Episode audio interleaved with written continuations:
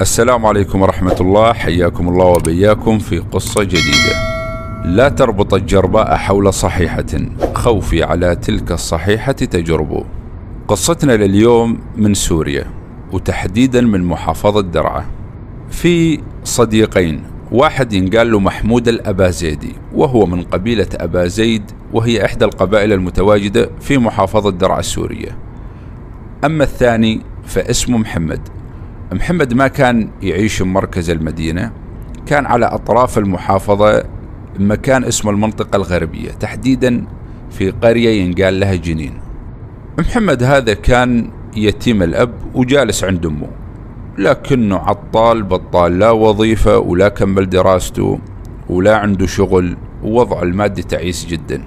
نقدر نقول متجه الولد ناحية الانحراف بشكل تدريجي. وصياعة الشوارع. صديقه محمود الأبازيدي كان على العكس تماما. الشاب آه، محترم وخلوق ومن عائلة وضعها المادي ما شاء الله ممتاز جدا. وسمعتهم بين الناس مثل المسك. بل أخص هذا محمود الأبازيدي. ولأنه كان طيب وخلوق كان دائما ينصح صديقه محمد. كل ما يشوفه يلتقي فيه. يقول له يا أخي ابعد عن مشاكل الشوارع وقصص التشليح شوف لك شغل وظيفة.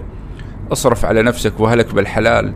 وبكرة جايك زواج ومصاريف. انت وامت بدك تتوب يقول له محمد يا أخي ابعد عني. أترجاك لا تنصحني. أنا رجال ما تركت مكان إلا ودورت فيه شغل وماني لاقي. فمجبور على صياعة الشوارع وعلى تشليح الناس. بالعربي أقول لك أنت ما شاء الله عندك أهلك وناسك. وإذا صار عليك شيء تلاقي حدا جنبك. أنا ما في عندي حدا. أنا لوحدي. بحلال بحرام بدي أشتغل. فكان مصر على طريق المشاكل. المهم في دوار آه اسمه ينقال له ساحة بصرة. هذا في مركز المدينة. محمد هذا كان آخذ الدوار مثل المكتب لوه مكان يشلح فيها الناس يضرب الناس أوقات يأخذ أتاوات من الناس. آه يعني مسرح للبلطجة مسوي بحلال بحرام الزلمة ما كان مكترث يطلع القرش أو الليرة من تحت الأرض. لكن محمود الابازيد وصديقه محمد كانوا دائما يتزاورون ويشوفون بعض وظلوا على الحال ومشت بهم الأيام والسنين لغاية سنة ال 91 بهذا التاريخ الجيش فتح الخدمة العسكرية وطلب شباب للتجنيد. محمود الأبازيد التحق وقع عليه الاختيار. أما محمد فلأنه كان وحيد أمه وأبوه ما تم استدعائه أعفي من الخدمة. بالفعل راح التحق محمود الأبازيد إلى الجيش وعدت أول سنة ثاني سنة لغاية سنة الثلاثة وتسعين. هذا التاريخ محمود الأبازيدي كان ينتظره على أحر من الجمر. ليش؟ الولد كان يحب بنت عمه يحبها لدرجة الهيام وكان يستنى اللحظة اللي يتسرح فيها مشان ينزل يتزوجها. وهذا مو بس رأيه هو بل إضافة لأمه وأبوه كانوا يستنون هاي اللحظة ويريد يزوجون ابنهم لأن هو الكبير بين إخوانه.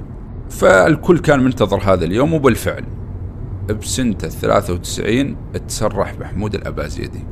أول ما طلع من القطعة العسكرية كان مبسوط ومستانس وطاير من الفرحة. توجه على الكراجات وأخذ مواصلات لدرعه. لما وصل درعا نزل مركز المدينة.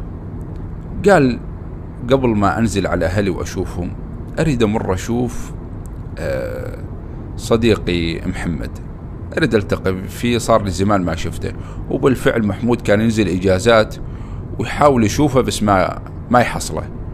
لكن هالمرة أصر أنه يروح يلتقي فيه. بالفعل توجه محمود لساحة بصرة وهناك أول ما وصل ناظر ناظر وشاف صديقه محمد. لكن شافه جالس ماسك كل واحد ويضرب فيه مشان ياخذ منه فلوسه. أول ما شاف نادى قال له يا محمد يا محمد يا رجال عيب عليك ما بطلت هالسوالف. التفت محمد قال له هذا صديق محمود الأبازيدي. قام ترك البيدة وراح يهرول لعنده وللأمانة أيضا كان محمد يغلي محمود. هم الاثنين يعني تربطهم آه، صداقة طفولة قوية جدا. وكانوا يعزون بعض على الرغم يعني من مشاكل محمد. المهم وصل عنده ويا هلا وبلش يحضن فيه ويحبب فيه والحمد لله على السلامة. يقول له وين يا قاطع؟ صار لك زمان ما تمر وما تشوفني. محمود يقول له والله يا رجال كل ما أنزل إجازة أمر على ساحة بصرة أشوفك ما ألقاك. ما ألقاك ألقاك مختفي. لكن اليوم الحمد لله تم تشريحي وقلت قبل ما أنزل على أهلي لازم ضروري أمر أشوفك. والحمد لله أني حصلتك. واسع أريدك آه، تسمح لي أريد أنزل آه، على أهلي لكن ضروري تيجي بكرة راح نسوي وليمة احتفالا بالتسريح يعني. ضروري تيجي تحضر. ما أقبل أي عذر. قال له محمد وين تنزل؟ والله ما أعوفك تروح اليوم تتعشى معي. صار لي زمان ما شفتك. اليوم نتعشى سوا وبعدها تروح لأهلك. محمود العبازيدي قال له الله يجزاك بالخير وما تقصر أنا والله بس حبيت أسلم عليك وأريد أنزل الحق آه، أفرح أهلي بخبر تسريحي. لكن أنت تعال بكرة ونتشاوف هناك بالعزيمة. محمد ظل مصر قال له والله ما أعوفك نتعشى سوا هنا في منطقة اسمها المزيري بتعرفها فيها مطعم سمك. نتعشى وبعدها تروح لأهلك؟ محمود الابازيدي يعرف إنه صديق محمد فلوس ما عنده أكثر فلوس من التشليح يعني وهو ما يحب القصص هاي. فاعتذر. رجع محمد أصر عليه وقال له يعني شنو مستعر مني؟ لما شاف كلامه على هالنحو قال له يا أخي لا أنا مستعر منك ولا شيء. خلاص توكلنا على الله بس أرجوك ما ما نتأخر. شافوا يعني شافوا إصرار وملح وما قدر يتخلص منه. بالفعل محمد ضرب عينه وشاف تاكسي. التاكسي كان فيها رجال جالس ينتظر زباين. قال لمحمود يلا مشينا. قال له وين؟ قال له على هالتاكسي هاي مشان نروح على مطعم السمك. بالفعل توجهوا على التاكسي وركبوا فيها ومشت فيهم التاكسي. الشوفير كان شاب متوسط العمر لكن ما شاء الله طول بعرض وجسم والرجال كان متعافي. لكن المصيبة وين؟ المصيبة إنه ولد الأبازيدي جلس من قدام بجنب الشوفير. والبلطجي محمد جلس من ورا ورا السايق وهذا السايق أو هذا الشوفير من عشيرة المسالمة وهي عشيرة تاريخية معروفة في محافظة درعا. أما الطامة الكبرى أنه عشيرة المسالمة على خلاف شديد جدا مع عشيرة محمود اللي هم الأبازيد. كان في بيناتهم صراعات وثارات ومشاكل آه، بالفترة الأخيرة سووا صلح لكن لا زالت التوترات موجودة بيناتهم. لكن محمود ما كان يدري عن السائق إنه من المسالمة الرجال جلس بالتاكسي ومشى. فما سأل يعني ما يعرف. السائق التفت قال آمروا الشباب وين بدكم أوصلكم؟ وين وجهتكم يعني؟ رد محمد. قال له نريد نروح لمنطقة المزاربة على طريق خربة غزالة. قال حاضر. طبعا اللي يتكلم محمد ومحمود ساكت يعني على على بو إنه هو اللي المعزوم يعني فكان ساكت. هو اللي كان يتكلم محمد. وهم ماشيين في الطريق ولما ابتعدوا عن المدينة وعن الناس ويقوم محمد ويطلع سلاح. كان سلاح شايله مسدس ويحطه براس المسالمة وقال له وقف على جنب. محمود أول ما شاف المسدس بلش يصرخ على آه، خويه محمد. يا محمد اترك الرجال يا محمد خاف الله اترك المسدس. يا محمد إيش قام تسوي؟ لا تسوي لنا مصيبة يا محمد. قال له اسكت ولا كلمة. لما آه، قال له اصفط على اليمين بالفعل صفط على اليمين ووقف. هذا المسالم الشوفير صفط على اليمين والتفت. الا وهذا ماسك المسدس وموجهة عليه. المسالمة هذا مو هين. هذا من عشيرة معروفة وكبيرة ولها علاقات و... وعشيرة قوية جدا يعني. فنظر فيه قال له أنت تعرف أنا منو؟ أنا من المسالمة لا أنت ولا سلاحك يخوفني. أبلع العافية وأقصر الشر لا أبتلش بدمك هسه. ويقوم ويضرب محمد كف مع العلم إنه محمد هو اللي ماسك السلاح. وصاحب التكس أعزل يعني ما عنده سلاح لكنه جريء واثق من نفسه الرجال مرجل. محمد كان مبيت نية الغدر. وبالفعل أول ما الرجال هذا انطال كف قام وأطلق النار. أطلق النار وقتل هذا الرجل من المسالمة. محمود الأبازيدي أسقط في يده. بلش يصيح على خويه محمد. الله يخرب بيتك أنت تعرف إيش سويت؟ تعرف هذا منو؟ طبعا محمود الأبازيدي لما سمع الشوفير قال أنا من المسالمة. هنا ارتبك وعرف يعني صعوبة الموقف لأنه يعرف أنه في بيناتهم مشاكل قوية. لا ورجع ذبح محمد انجن. محمود الأبازيد انجن. قام ترك التاكسي وراح يركض خاف خاف للغاية. محمد هنا عادي يعني ما أخذ الأمور بكل الأريحية نزل نزل الشوفير وألقاه على الأرض وأخذ التاكسي وراح نحاش الولد صاحب سوابق يعني. أما محمود الأبازيدي ترك التاكسي وراح يركض خايف يركض يريد يبتعد عن المكان. قبل لا الناس تشوفه يعني تورطت مع الخبل هذا. شوي ويمر باص كان تقريبا فيه ثلاثين راكب. وقفوا عند ألا وهالجثة بنص الطريق. وقفوا عندها نزلوا. يوم نظروا ألا وهذا ولد المسلمة يعرفونه.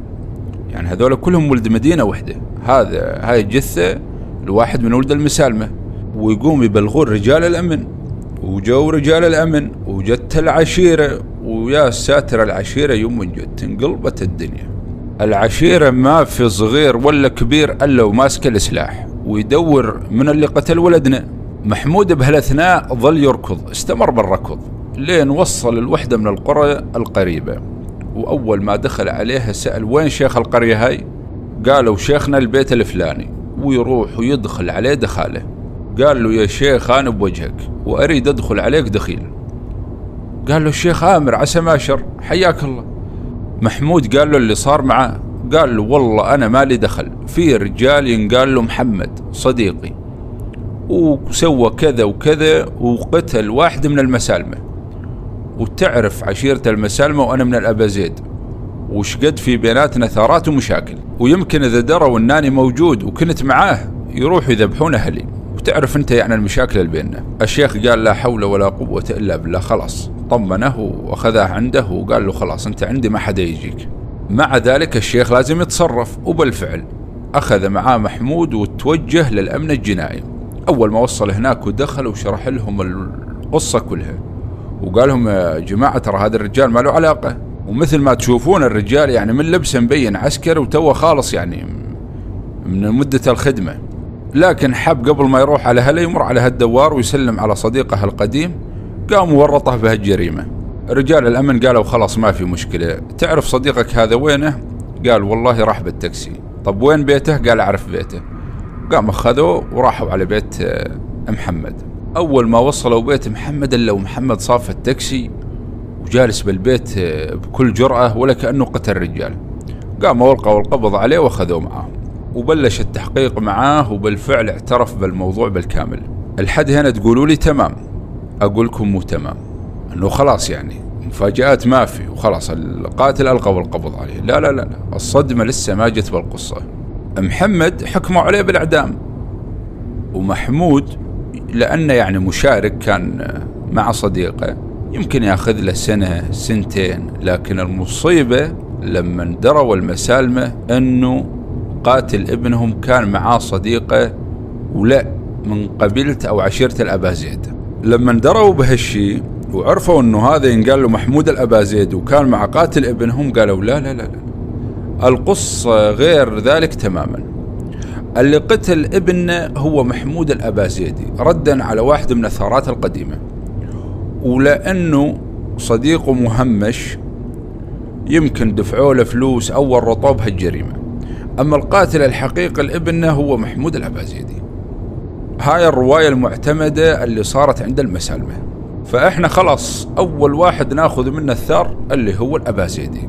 رجال الأمن والناس الموجودة يقولوا لهم يا جماعة محمود الأبازيدي ما له علاقة. ونفسه محمد قال لهم يا جماعة عشيرة المسالمة أنا رجال مشلح وآخذ الساحة المكان هذا مكان لي للتشليح. ومر علي صديقي هذا وكنت حاب أعزم على العشاء لكن بأثناء ما ردت شلح التاكسي صار اللي صار. الرجال ما له علاقة أنا اللي ذبحت ابنكم.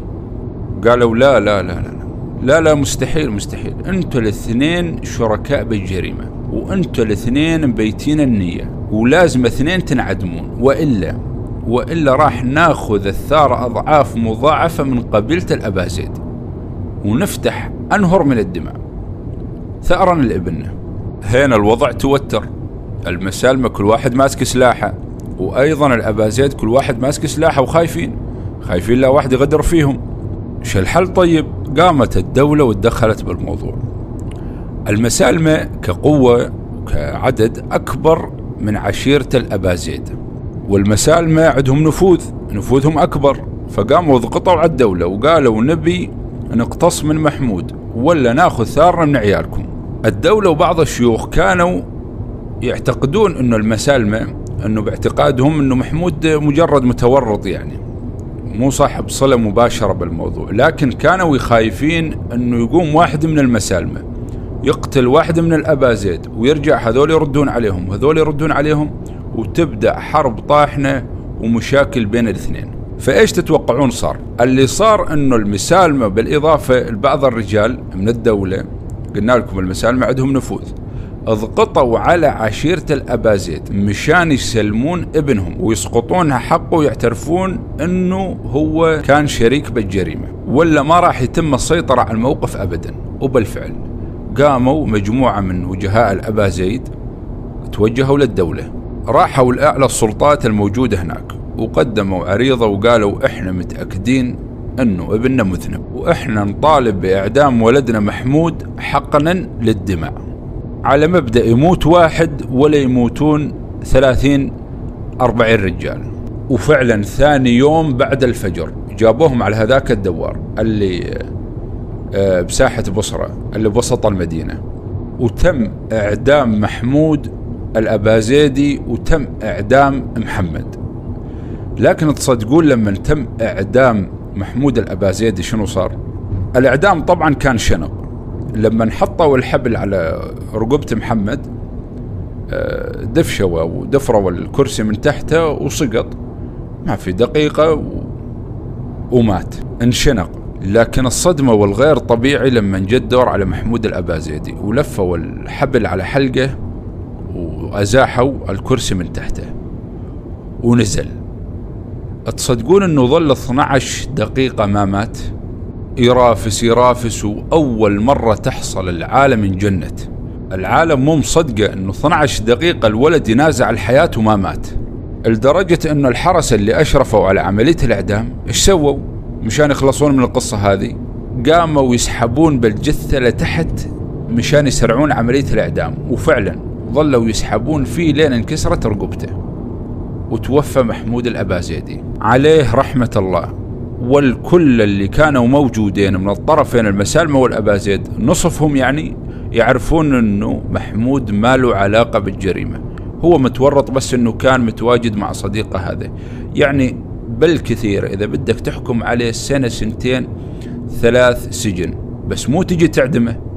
بالإضافة أنه كل الأدلة كانت تبرئ محمود الأبازيدي لكن تحت عنوان ما يسمى وأد الفتنة قدموا هاي العريضة وكان بالتراضي الطرفين آه، إنه محمود الأبازيدي ينعدم مشان الموضوع ما يجر حرب بيناتهم.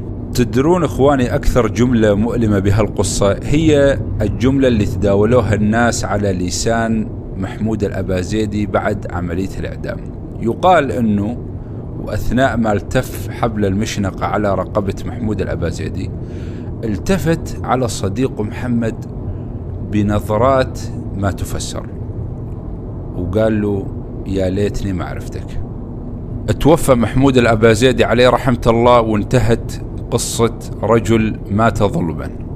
لكن أرجع للبيت اللي ذكرته ببداية القصة لا تربط الجرباء حول صحيحة خوفي على تلك الصحيحة تجربه. والله يا إخوان بالفعل الصاحب ساحب. والمجاملات مع أصدقاء السوء آه راح تكون آه نهايتها وخيمة وفواتيرها عالية الثمن. فبالفعل لازم الواحد بينا يرتب علاقاته كلها من الألف للياء وما يكون مجامل ابدا ابدا. لأن أنت ما تعرف مع آه الأيام اللي تكون بعيد بيها عن صديقك هذا ما تعرف البيئة اللي عاش بيها أو الظروف اللي مر بيها. فلازم نكون حذرين. الحد هنا نكون وصلنا لنهاية قصتنا لليوم. أتمنى أني أكون نقلتها بصورتها الصحيحة. لكن قبل ما أختم أحب أهنئ إخواني المتابعين والمشاهدين الجدد بمناسبة عيد الأضحى المبارك. أعاده الله علينا وعليكم باليمن واليسر والبركات. بالإضافة أعتذر على فترة الانقطاع الأخيرة عن القناة لأنه مثل ما وضحت بمنشور سابق آه، بالمنتدى أنا تعرضت يا إخواني الحادث أثناء عملي لكن الحمد لله رب العالمين والحمد لله على قضائه وقدره. إجت سليم وأشكر كل شخص وإنسان تواصل معي وتطمن عني. الله يجزاكم الخير. والله أنتم أسرتي وعائلتي الثانية. وراجعين إن شاء الله تعالى على القناة بقوة. أتمنى ما تنسوا تدعموا الفيديو بزر اللايك وضعوا رأيكم داخل التعليقات بهاي القصة وللمشاهدين الجدد. أتمنى أتمنى تفعلوا زر الاشتراك. زر اللايك والاشتراك على قد ما هو بسيط. بالنسبة لحضرتك على قد ما هو يصنع فارق كبير بحياتي. نستودعكم الله الذي لا تضيع ودائعه. والسلام عليكم ورحمة الله وبركاته.